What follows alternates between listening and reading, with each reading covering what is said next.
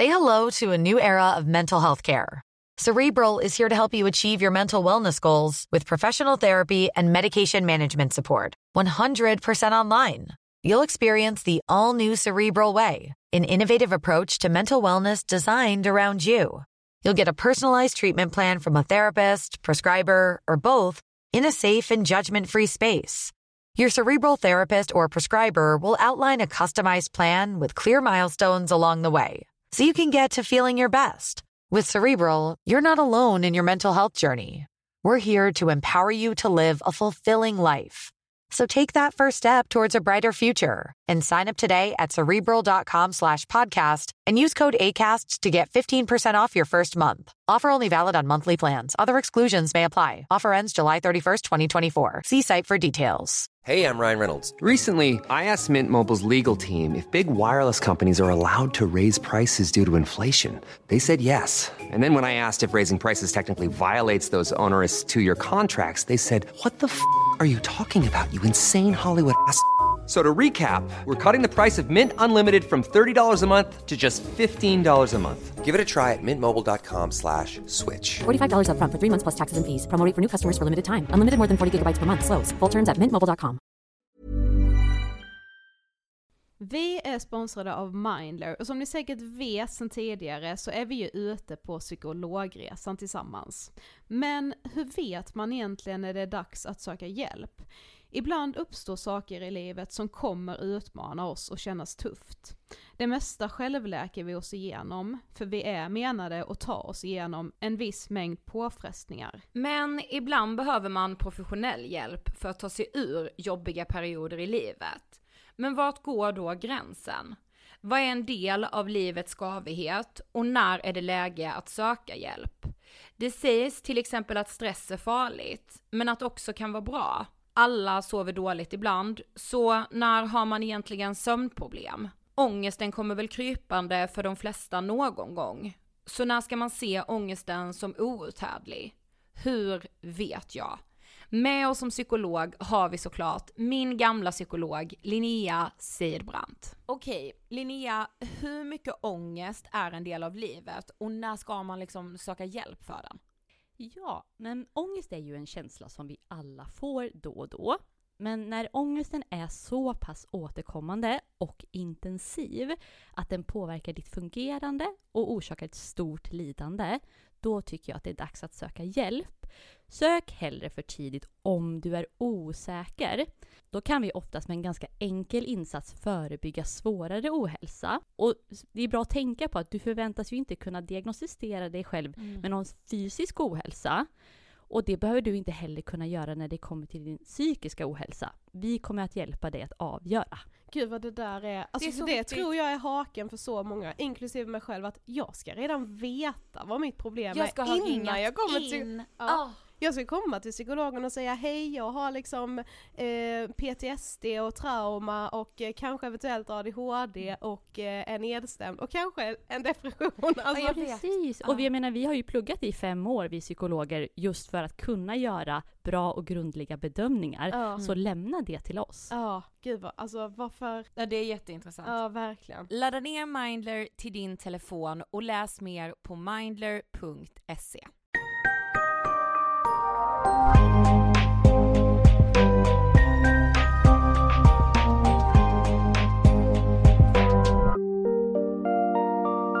Ni lyssnar på Ångestpodden med mig Ida Höckestrand och mitt emot mig sitter Sofie!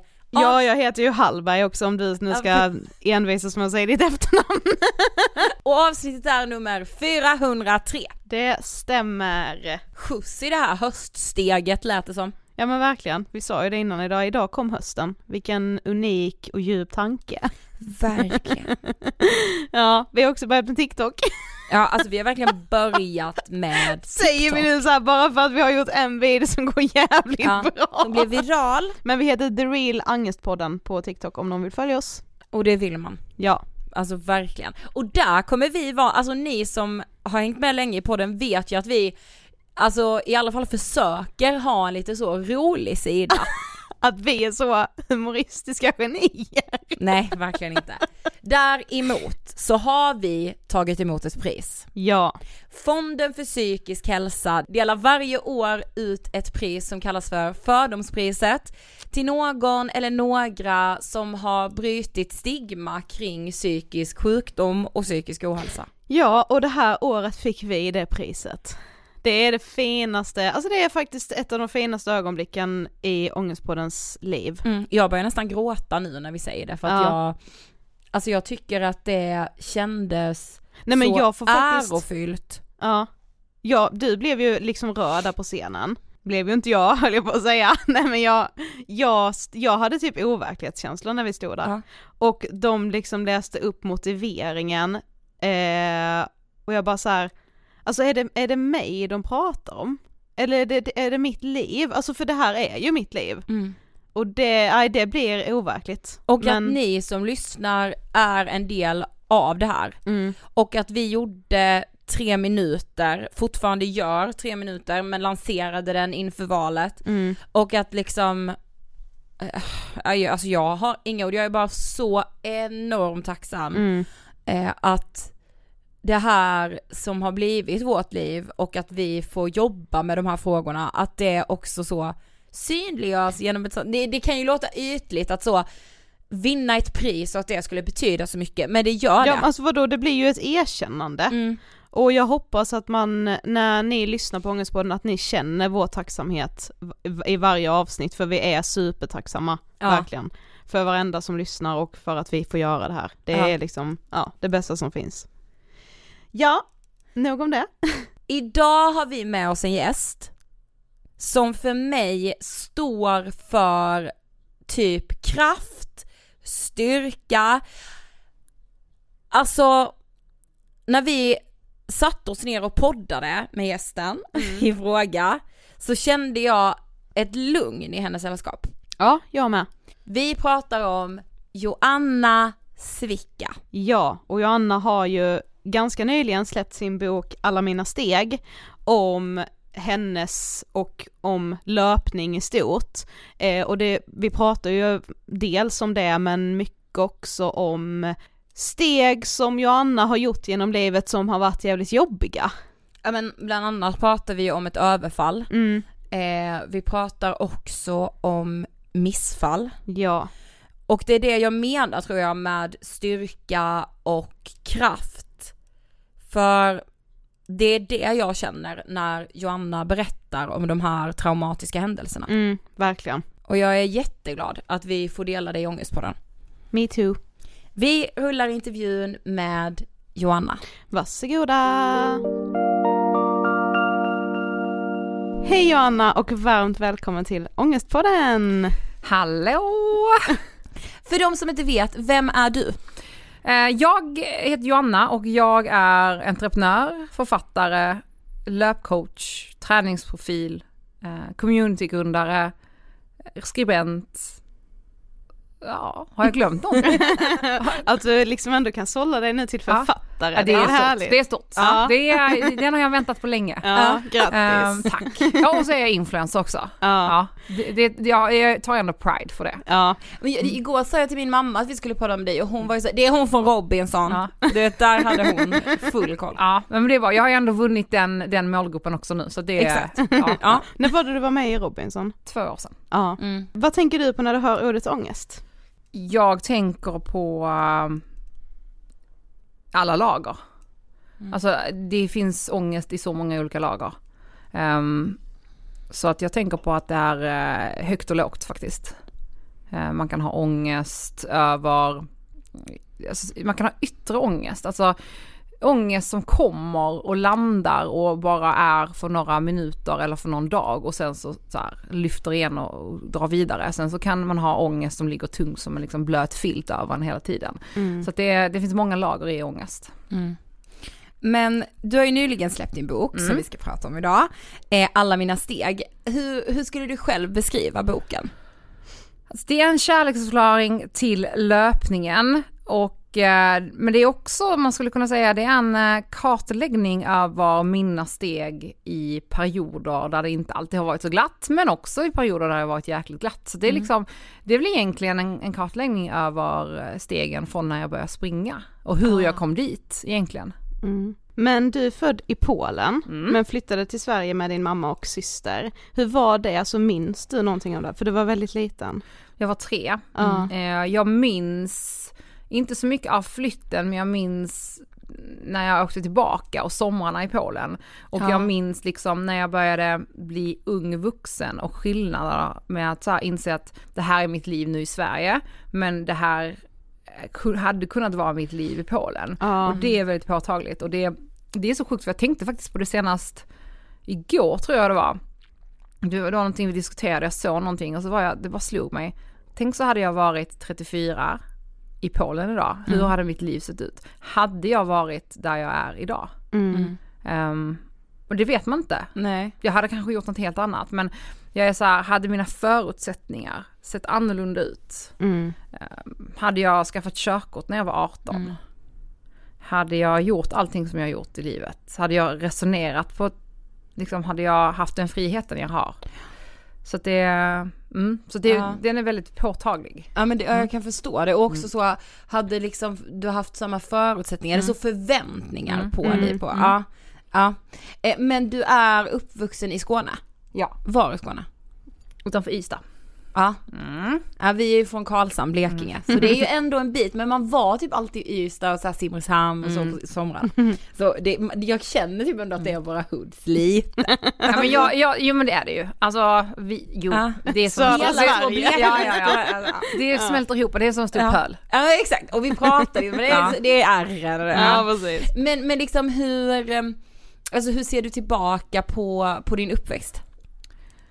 Väldigt bra uppväxt. Alltså jag hade en väldigt lugn och trygg uppväxt. Det är klart att jag hade, jag vet att jag hade episoder där jag tyckte att jag inte fick nog med uppmärksamhet från min mamma. Men innerst inne så var det ju för att Alltså, det var, jag var bara tonårsrebell och var ganska rebellisk i det mesta.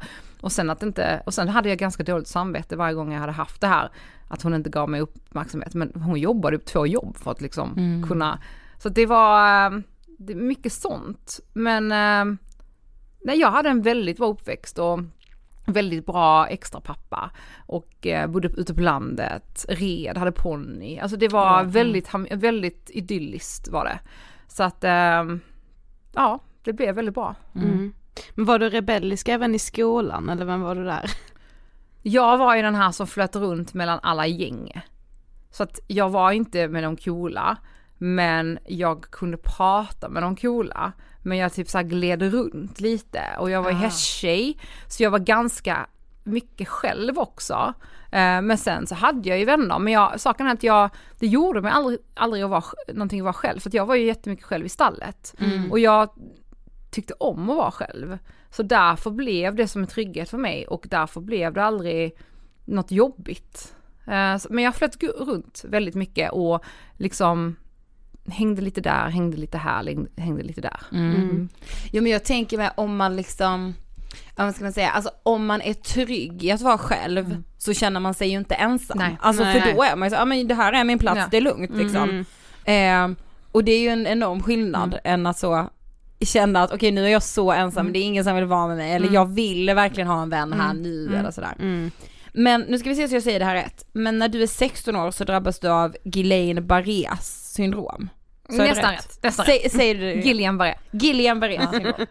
Men eh, alltså för det första, vad, vad är det för något? Alltså det är en autoimmun nervsjukdom. Så att det blir ju att eh, de här sy- synapserna, de här, de dör, alltså kopplingarna i nerverna dör. Så att den här, man, hjärnan skickar ju en elektronisk impuls när vi ska liksom göra någonting. Och eh, de dör, de här elektroniska impulserna. Så att eh, jag blev helt förlamad. Men hur märktes det här? Alltså, vi- alltså I guess att man inte blir förlamad från en dag till en annan. Nej, alltså det, det, det började märkas med att jag en dag började så få stickningar i fingrarna. Och sen så gick det några dagar, så försvann de. Sen så efter två, två veckor, då blev det att jag märkte att halva ansiktet hängde, lite som om jag skulle fått en stroke. Och sen så ebbade det ut och sen så typ efter en månad, då märkte jag ju att så här, jag hade svårt att gå. Att jag, mina, min fot släpade lite efter. Jag märkte att vi hade mm, hopptävling och jag kunde inte resa mig upp på salen när man hoppar över ett hinder.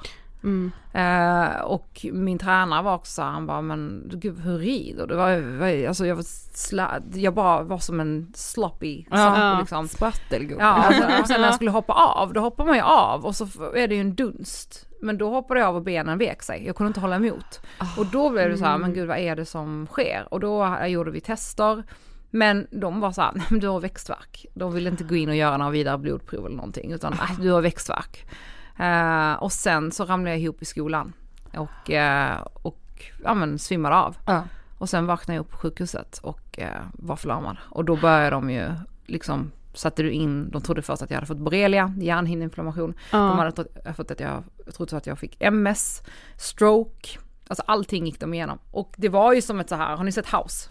Ja. Nej jag har faktiskt inte gjort det. Ja, men det, det var som ett House-avsnitt där Mm. de går igenom varenda sjukdom du kan hitta. Mm. Och sen hittar de då till slut att så här, okej men det här är Guillain-Barré. Men då var du helt förlamad alltså? Mm, Du... Från halsen neråt. Då Alltså, hade min kropp, för då var det som att den, tänk dig som ett höghus, den började Ja. stänga av på olika, Ja. så här, ena gången var ansiktet, synen, det var eh, motoriken och sen, sen så var det bara som att den bara, nej Allt nu, nu stänger ut. vi av. Ja. Nu stänger vi av helt. Så det Men var som gud. små explosioner i hela kroppen som bara gick igång överallt. Men hur påverkade det dig där och då?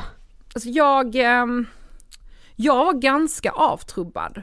Jag hade liksom ingen, jag hade liksom ingen, eh, jag, jag minns att jag var väldigt avtrubbad och bara hängde med, du vet, som att man bara fyller med i allt det dramatiska. Och jag vet att så här, jag hörde hur de sa till mina föräldrar att här, ni kommer nog behöva göra ändringar i ert liv, ni kommer behöva handikappanpassa och sånt. Mm. Och de var så här, nej men vi vägrar. Medan jag var mer så här, ja, alltså jag bara typ hängde med och var inte så, ah, jag, det var som att jag var nollställd. Mm. Jag hade typ helt stängt av. Mm. Men för du visste inte om du skulle få tillbaka känslor och rörlig, alltså. Nej. Visste ingenting. Och sen så då så hamnade jag på ett rehabcenter eh, efter de månaderna på sjukhuset där jag var och fick träna upp igen. Och där var jag bara så här, men jag får ju ge allt för att göra det här och bli bra igen. Um, jag har liksom inget annat val riktigt. Jag kan Nej. inte bara, jag kan ju inte sätta mig och bara säga nej jag accepterar inte det här. Det funkar inte riktigt så. Nej. Man får bara, så att jag blev ju sakta men säkert bättre. Och sen kom ju reaktionen. Mm. Sen kom ju allt det här, alltså det var fest och det var resa och det var backpacka och det var säsonga. Och Ja, det då var du lite så nu ska jag ta igen allt Gud på ja, något- allt. Ja. Jag gick loco. Alltså det var, nej men jag gjorde ju allt. Mm. Vakna upp i fontäner i Grekland på fyllan, alltså det var, Ja. men ja, och det var som att jag typ sa haha jag har lurat döden. Ja. Så det gick ju, det liksom, jag fick ju en snedtändning senare. Mm. Ja. Men gud, för det är så intressant, för man tänker ju att så här, skulle det drabba mig, skulle jag få panik direkt och bara säga nej vad är det som har hänt? Men att man liksom i det bara så, helt nollställd. Alltså, man kan nog inte veta hur man Nej, kommer alltså att reagera. där blir man så, det är så intressant hur liksom människokroppen och psyket bara så, nu är det så här, nu tar vi det, alltså. I den värsta krisen är man ändå som lugnast på Ja. något sätt. Ja, jag har verkligen insett att jag, eh, för att jag, för att jag var så här, hur ska jag reagera? För jag var med om cykelolycka för något år sedan och Mm. då var jag så här, hur kommer jag reagera över det här? Men då var det också att jag blev väldigt, alltså det var som att jag blev så lugn Mm. och bara copade och tog in allting som hände. Mm. Det är väldigt, ja. Ja, alltså det, Psyket är ju... ja, men det är så spännande. ja för- och, och det är inte det första jag tror att hur jag ska reagera i en extrem kris. Nej. För jag blir så här, Exakt. jag tror ju mer att jag bara så här, nu kommer jag gå loco, alltså nej nej jag blir he- helt tvärtom. Mm. Vilket är ganska konstigt med tanke på hur min personlighet är. Mm. Ja. Precis. Ehm, så att ja. Mm. Men, men när du är 22 år så flyttar du till Norrtälje Ja. eh, för att plugga och det är också här som du hittar löpningen. Mm. Alltså hur går det till? Hur hittar man löpningen? Ja det undrar jag också. Nej men alltså, något, för det första, alltså Norrtälje, det fanns ju inte jättemycket att göra i Norrtälje. Eh, det var, det, och också så här, jag flyttade dit, jag kom in, jag körde upp, Mm. var, gjorde de här intervjuerna, körde ner Detta gjorde jag på två dagar. Kommer in på skolan och var så här, okej, okay, jag ska flytta till Norrtälje. Var, jag sa okej, okay, jag vet bara att det ligger någonstans utanför Stockholm. ja. Eh, och sen så då när allting har lugnat sig med alla studentfester när man flyttar in och så här. Mm. Så är jag så här, men jag måste ta upp träningen igen. För att jag tränade ganska mycket när jag liksom, innan jag kom in och så, jag hade kommit tillbaka i det och så här. Så eh, då var jag ofta ute och gick och det finns så elljusspår runt kasernområdena. Ja. Och då såg jag ju massa som sprang. Och det var så härligt. Och oftast när jag var ute och gick så var jag ju bakfull som ett jävla ägg. Alltså jag, och då gick jag där och kollade på dem och jag bara fy fan vilka vidriga människor. Alltså de ser, det ser jättehärligt ut och de ser jättekul ut men fy fan vad lätt det går. Alltså jag var så här, gick, och gick och var lite bitter och var så här, nej men jag vill också se ut sådär. Jag vill också att det ska se sådär härligt ut. Jag vill också springa.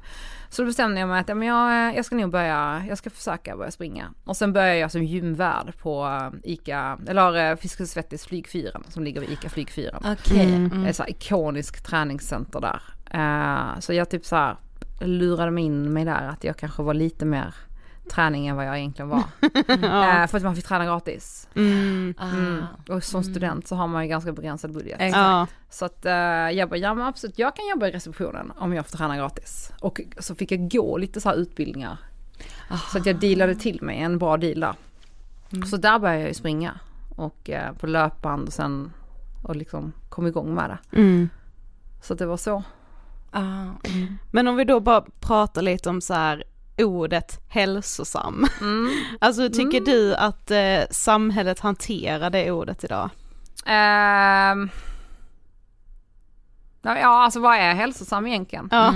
B- Bara för att man tränar mycket, har en viss storlek och eh, ja, men, beter sig på ett visst sätt så är man hälsosam. Mm. I själva verket så kan, man, kan det vara helt tvärtom. Mm. Jag tror inte många vet vad hälsosam är och vad definitionen av det är ens, och ens vad som är hälsosam för en själv. Nej. Exakt. Eh, vad som jag anser hälsosamt för mig kanske inte är hälsosamt för dig. Nej, Liksom. precis. Så att jag tror att vi, eh, vi, går, vi skapar inte riktigt, vi håller oss på ytan och sen så bara gör vi det som vi tror vi ska göra. Mm.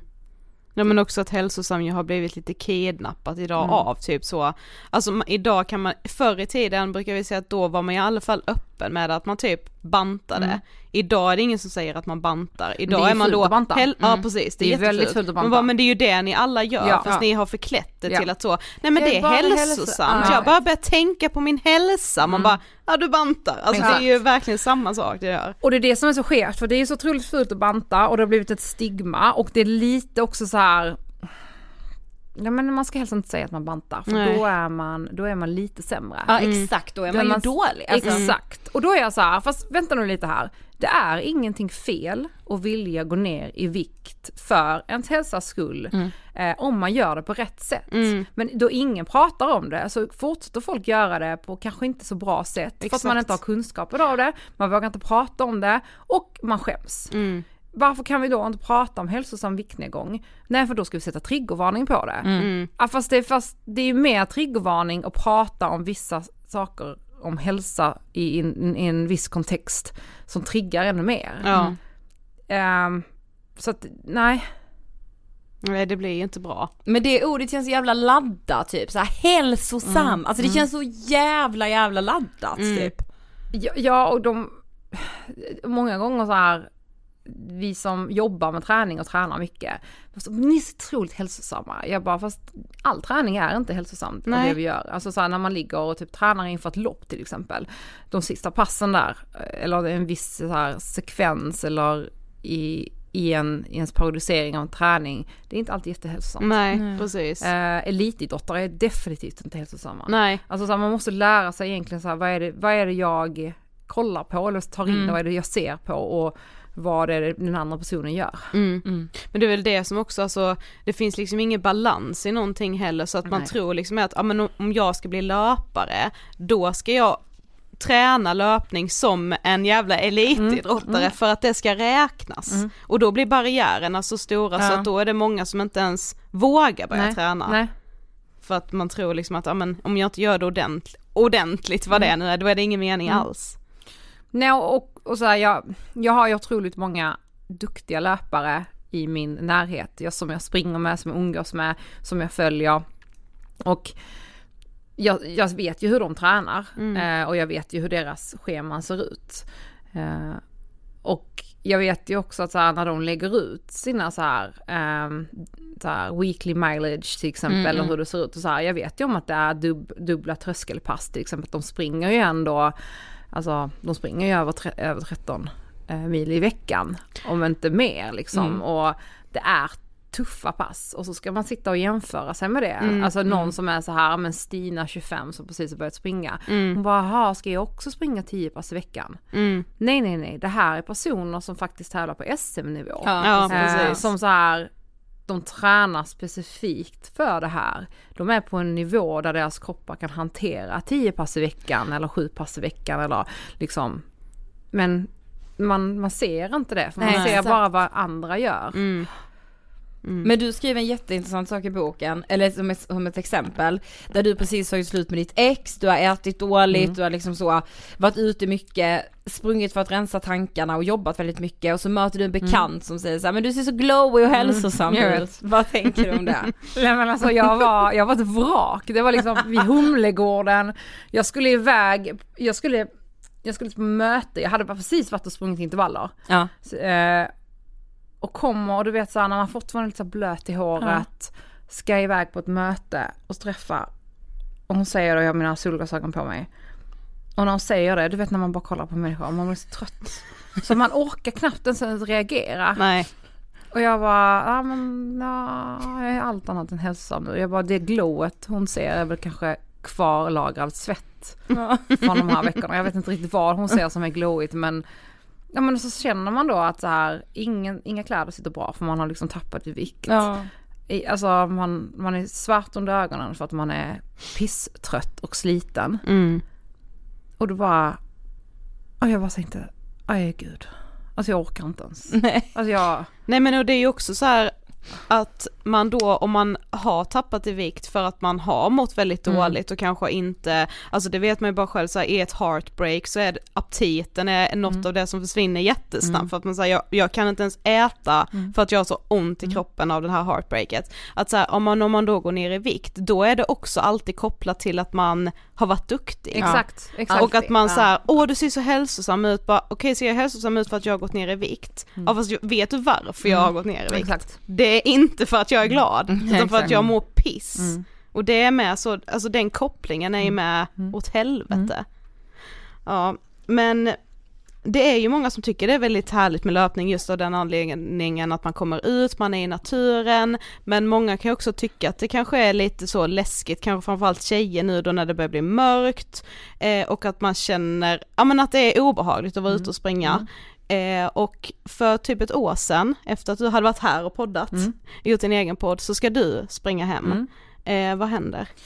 Men jag ska springa hem eh, och jag bor i Sundbyberg och så bestämmer jag mig att jag ska springa ett litet extra pass. Eh, Så jag springer liksom via Alvik, Bromma och så ska jag runda och sen hem till Sumpan.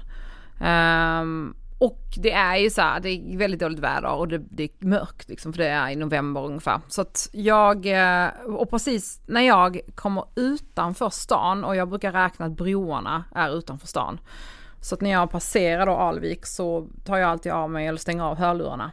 Eh, och det är mer bara för så här, det är mycket trafik där men också att det är mörkt. Och, Ja. och jag, jag orkar inte ha den här för att många är så här, vi kvinnor ska kunna springa vad som helst eh, med musik, så jag kommer inte stänga av musiken.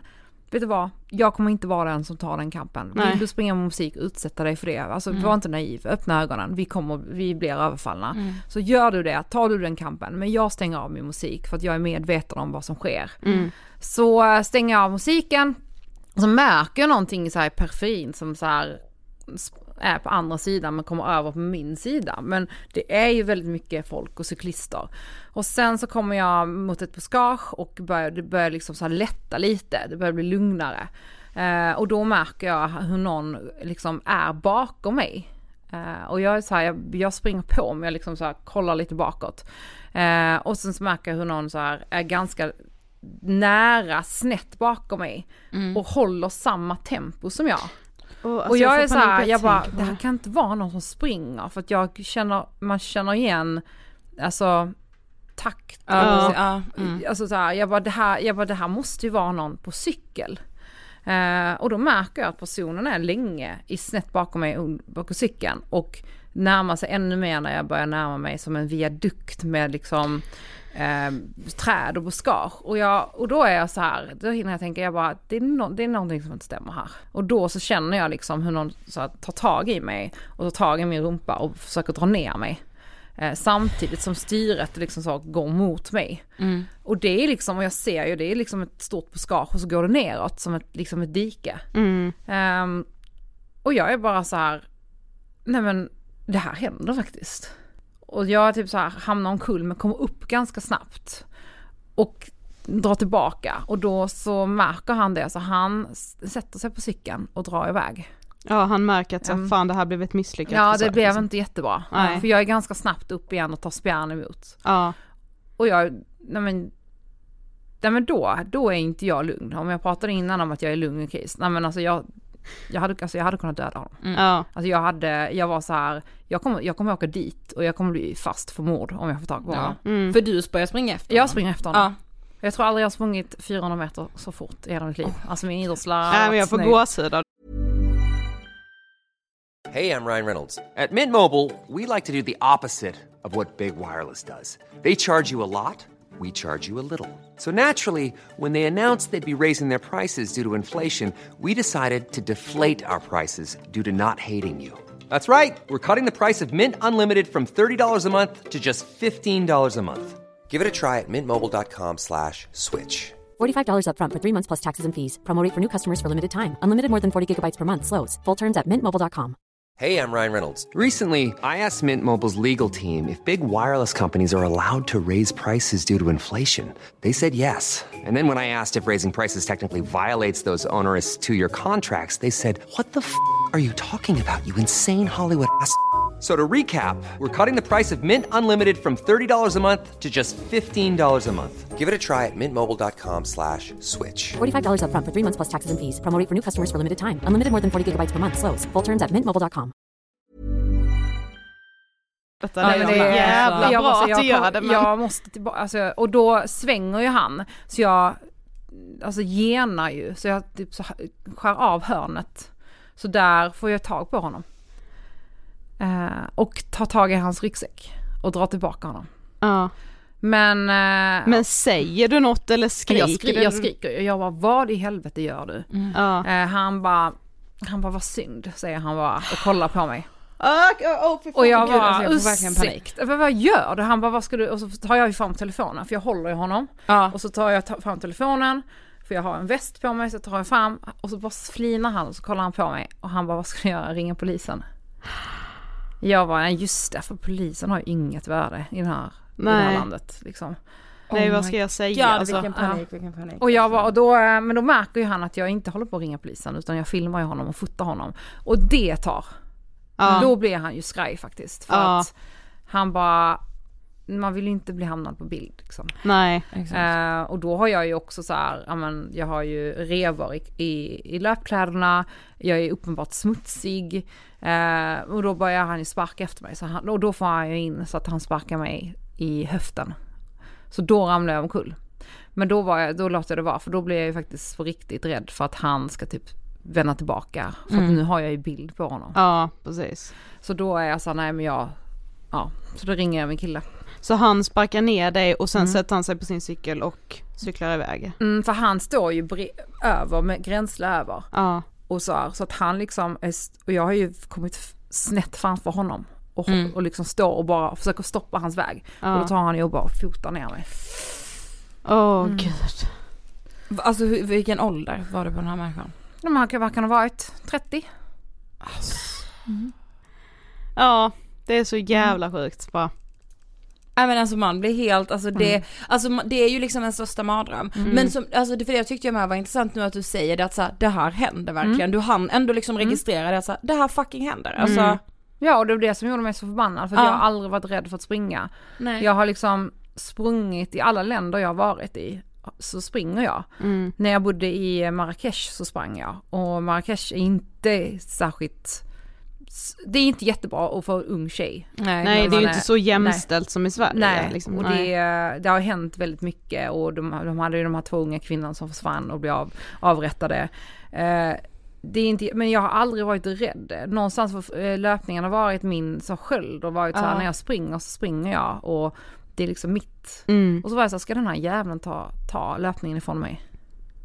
Ja, Jag var så arg. Ja. Men vad hände då? Alltså ha- ha- ringde ni polisen sen? Vi ringde polisen och Mm. jag hamnade hos en jättebra eh, kvinna som var så här, hon bara jag bara, jag vet, det är inte lönt ens att jag anmäler det här för det här kommer bara bli ett streck, streck i statistiken. Mm. Men jag vill göra det för att jag har ett väldigt bra signalement och jag har ju film och foto Ja, på honom. exakt. Så att om det, om han skulle, om någonting skulle hända och någon annan tjej då kanske det här kan hjälpa. Ja. För jag har ju faktiskt foto. Och hon bara, du ska alltid anmäla och du är ett streck, i statistiken. Men hon bara, det här är, det här är ju eh, försök till våldtäkt, det är misshandel och det är grovt ofredande.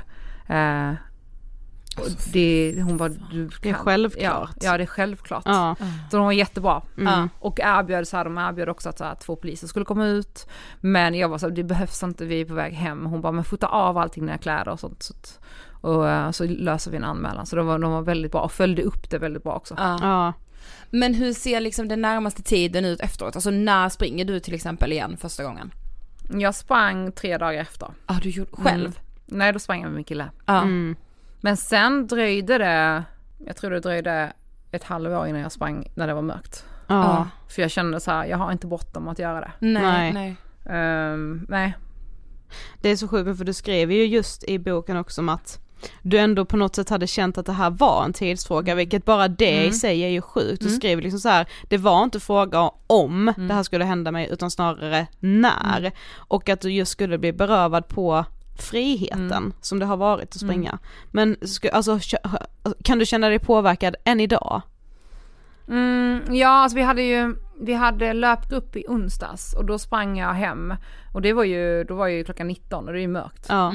Eh, och då kände jag ju, för att det var några av tjejerna som bara sa, gud det är så roligt att vi har en löpgrupp. Eh, för det var ju runt sjöarna i Sundbyberg. Mm. Och det är ju buskage och skog. Ja. Och de var så, gud vad roligt det är att vi löpgrupp för det, det känns inte helt tryggt att springa här när det är mörkt. Mm. Eh, och då var jag, då tänkte jag också väldigt mycket på det. Eh, jag bara, nu var vi ju ett gäng på liksom 20 pers men Alltså, och då var jag så här, ja men jag kommer springa ett varv extra när vi lämnade av så här, för att jag är, De som vill följa med får jättegärna följa med, men då kände jag för typ en sekund när jag blev så här Okej, jag hoppas det är någon som vill, för fan jag, det innebär att annars måste jag springa själv liksom. Ja. Men så var det några som var så här, ja men vi, vi hakar på. Mm. Men bara den liksom så här, jag bara, just fan. Ja Mm. precis. Jag kom ja. på mig själv. Men, men vi ska gå vidare lite, alltså för du skriver också i boken om att springa i sorg. Mm. När har du sprungit i sorg?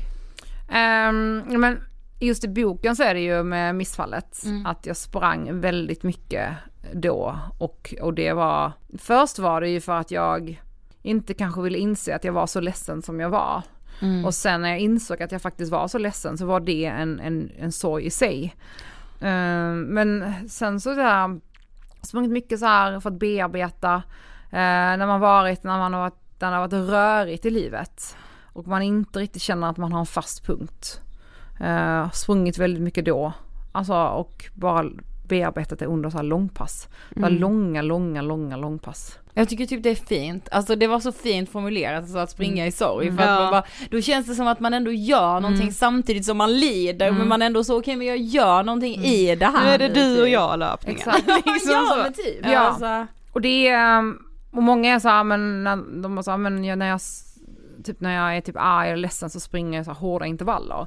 Och jag kan liksom inte göra det för att om jag får upp pulsen och jag redan är ledsen som jag var då eller jag liksom då det kickar ju igång så att jag får liksom ångestattack och börjar ja gråta. exakt. Ja. Ja. Det går ju inte. Så pulsen måste ju vara låg. Annars blir det ju att man, man börjar gråta direkt Precis. och kan inte andas. Mm. Så pulsen måste vara låg, låg, låg och bara springa. Mm. Mm. Men där innan du fick ditt missfall, eh, när du fick reda på att du var gravid, eh, vad kände du först där och då? Hade du liksom, hade du sett dig själv bli mamma eller vad var det för känslor? Nej jag vill ju inte ha barn. Nej. Nej.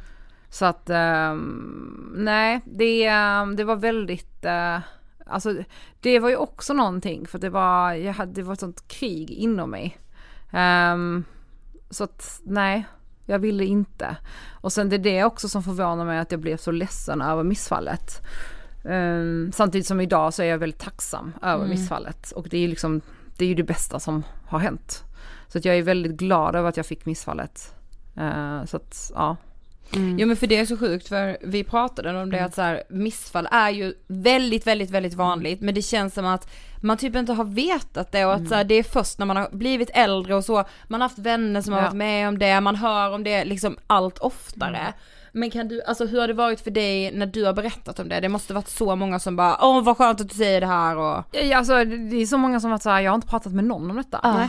Och jag, och jag bara, men vi är många som får Ja. missfall. Ja. Men i och med att det är, för att vården, de viftar bort det.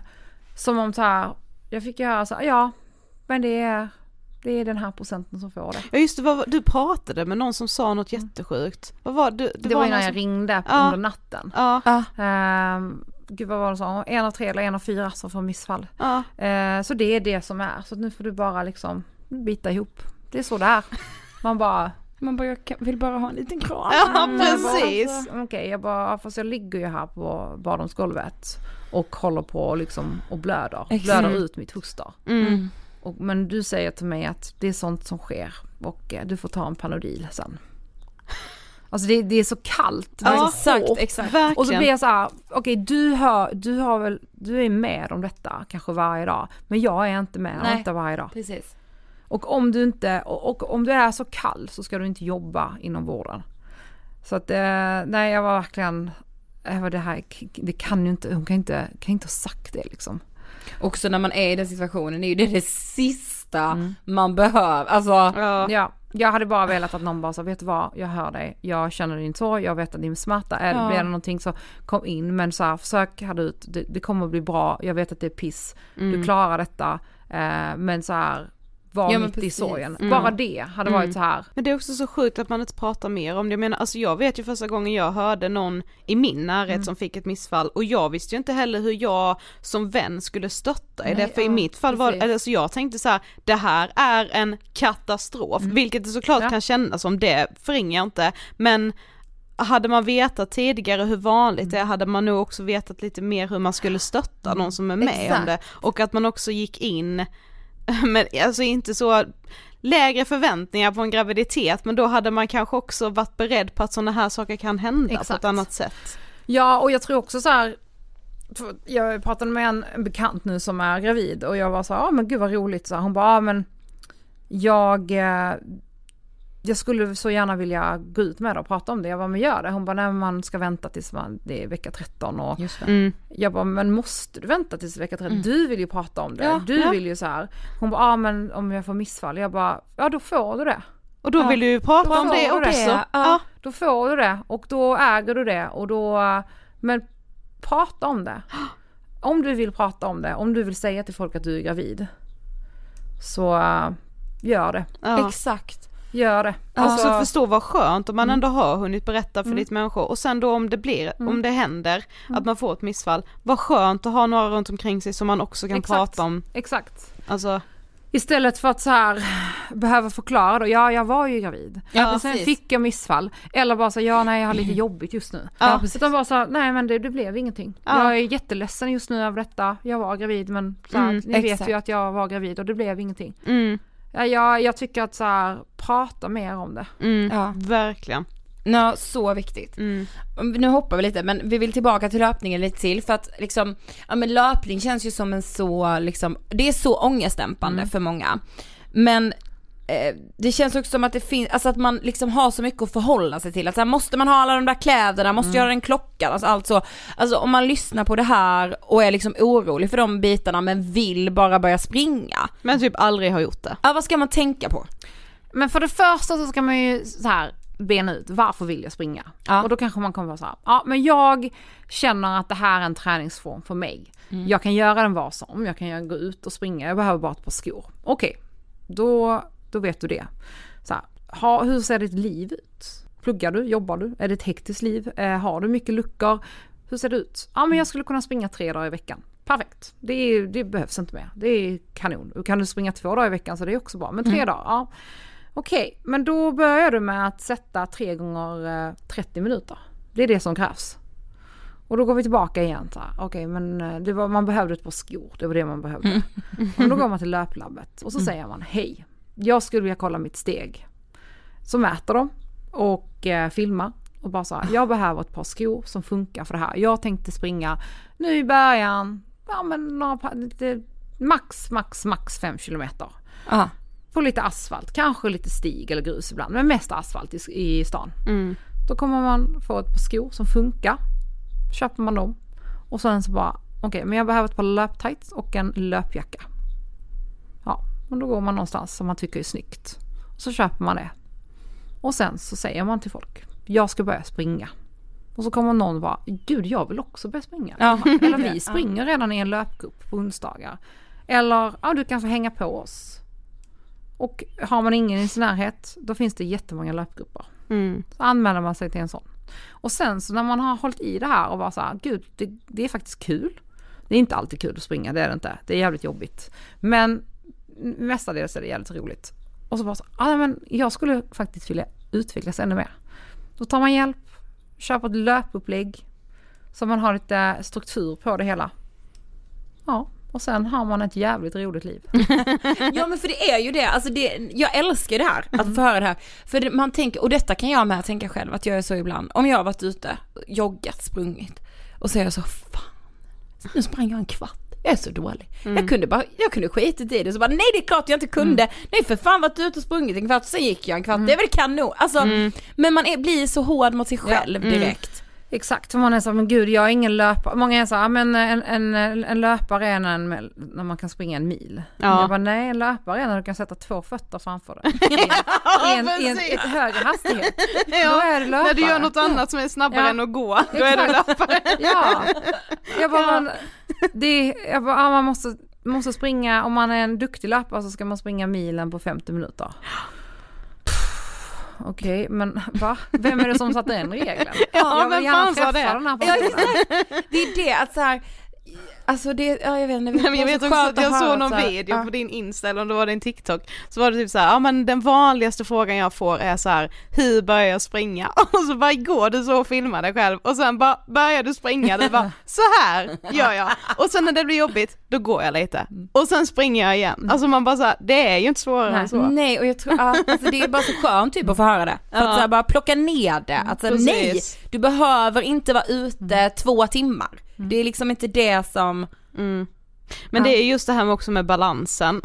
Vad tänker du kring så här, hur hittar man en bra balans mellan liksom träning, mat, eh, att leva livet, jobbet, ja du vet den här balansen. Balans, den, den, ja, ja, Berömda.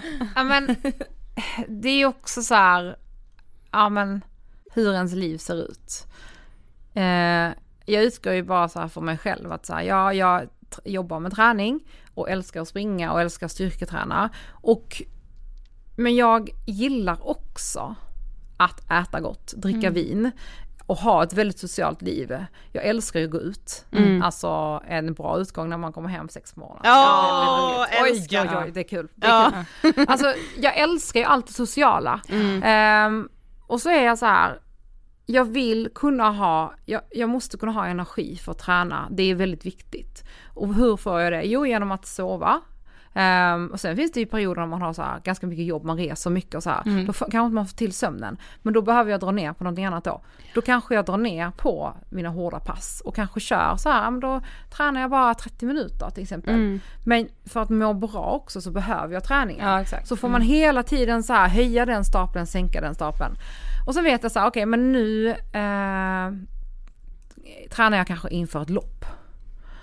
Ja okej, men då är det ju faktiskt prio på att stapeln med sömn och stapeln med det kanske lite mer disciplinerade är högre.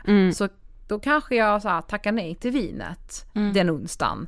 Eh, och jag kanske så här drar ner på allt gott. Jag äter fortfarande gott men jag kanske drar ner det. Och höjer sömnen och fokar träning. för en period. Mm. Och sen när det är klart och så här, ja men då har jag lite lugnare period, ja men då höjs ju stapeln med det roliga igen. Mm. Exakt. Ja då kan jag ju faktiskt ta ett glas vin extra en onsdag när jag är ute och Mm. äter.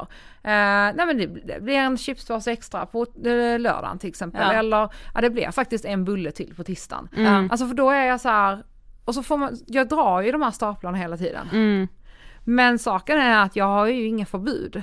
Nej. Men jag har en gräns. Och den gränsen flyttas hela tiden på vad jag gör. Mm. Så att, ehm, och det är så jag hittar min balans. Genom att balansera alla mina staplar som jag behöver. Eller mina tre, tre ben. Mm. Och det är ju liksom energin och det är träningen och det är sömnen. Jag tänker också att det är så viktigt att gå tillbaka till det här, men hur ser mitt Mm. liv ut? Vad är det jag behöver Ja. i mitt liv? När mår jag som bäst? Och liksom Exakt, så här, ja. hur ser det ut just nu? Ja men just nu kanske det är en sån här period, mycket tentaplugg, ja, Ja. men då kanske jag också hinner träna Ja. för jag bestämmer mycket över min egen tid. Har du sen en tid när du jobbar mycket och inte hinner träna lika mycket, ja men då får det vara så. Exakt. Alltså, Ja för annars, annars går man ju bara runt och ger sig själv dåligt samvete ja, hela tiden. då får man ju ångest Exakt. hela tiden för allt man inte hinner göra. Ja, men man ger sig också ångest och dåligt samvete för val man faktiskt har tagit. Mm. För till exempel nästa, nästa vecka åker jag till eh, Turkiet med eh, Frankation. Så vi har 20 tjejer som ska med oss till Turkiet. Ah. Och då är vi borta onsdag till söndag. Mm, och då är det ju så här, jag leder ju den här resan och är ju med hela dagarna på resan och visst där kommer det vara så här, vi ska leda hike och vi kommer att yoga. Men det finns, kommer inte finnas tid för min träning, jag jobbar ju hela dagarna Mm, där.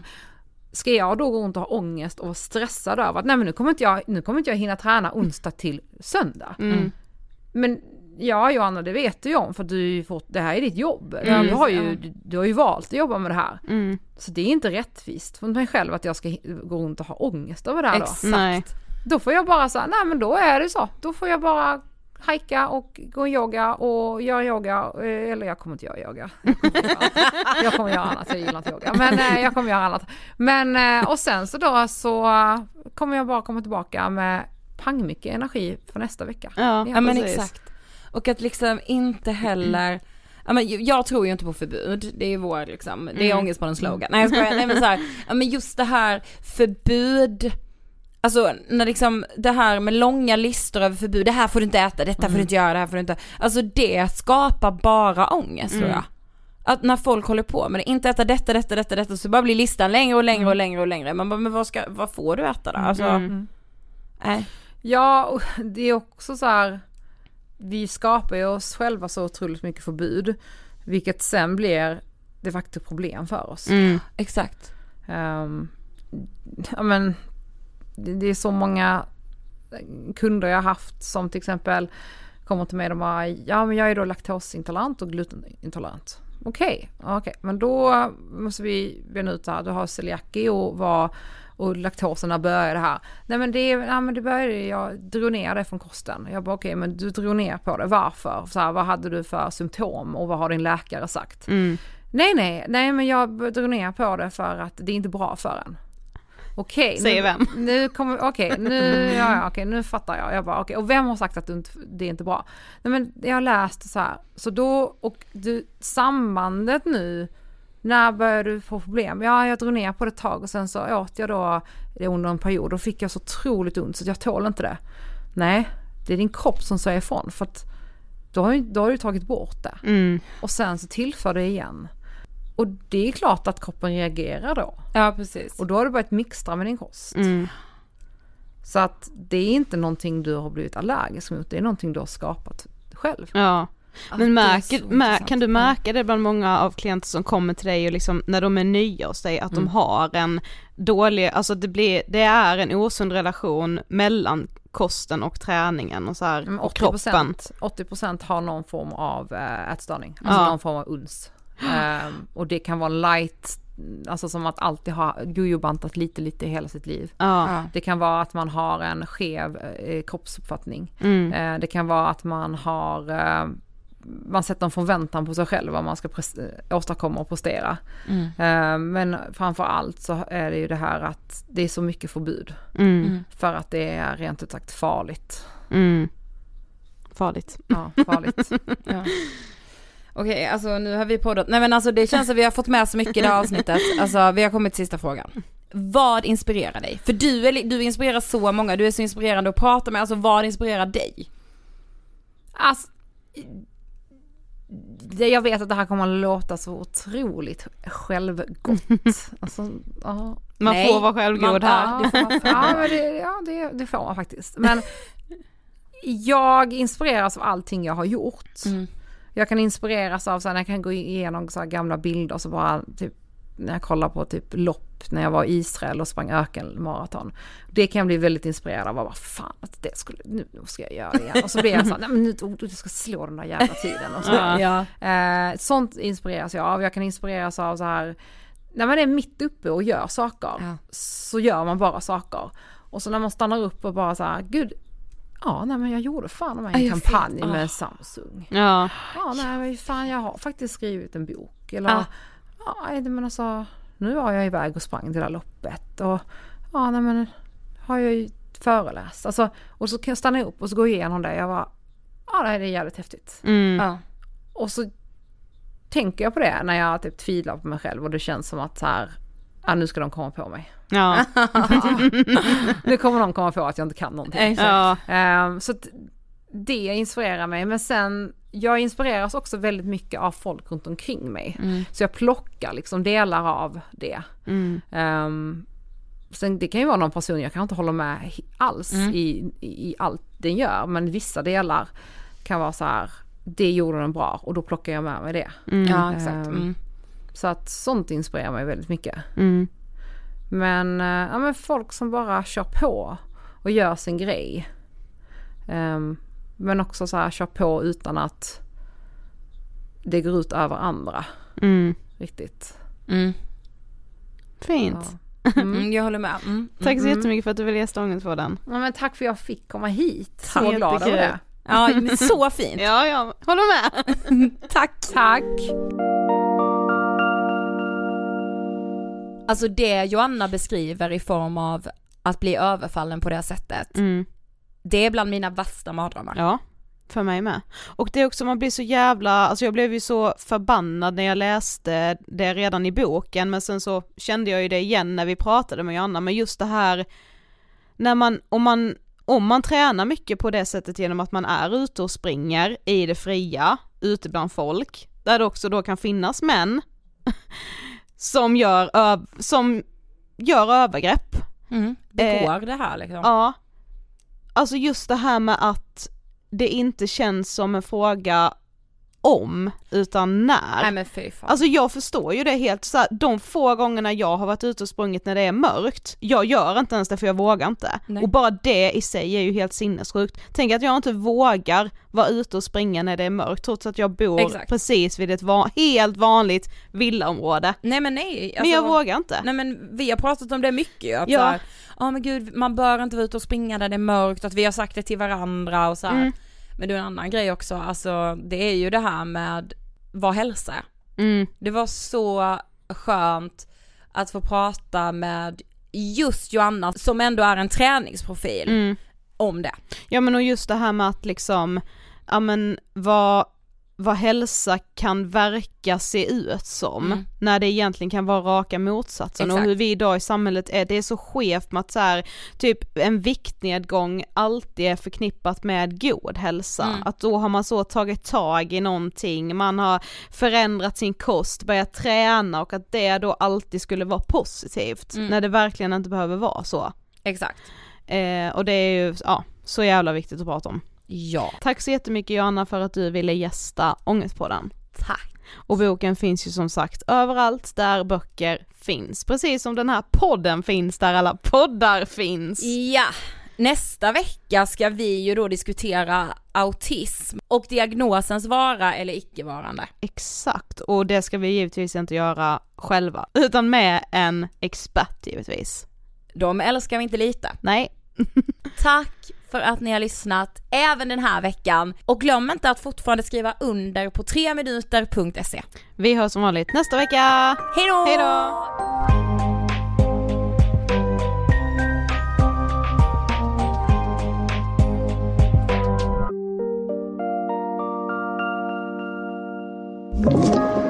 Podplay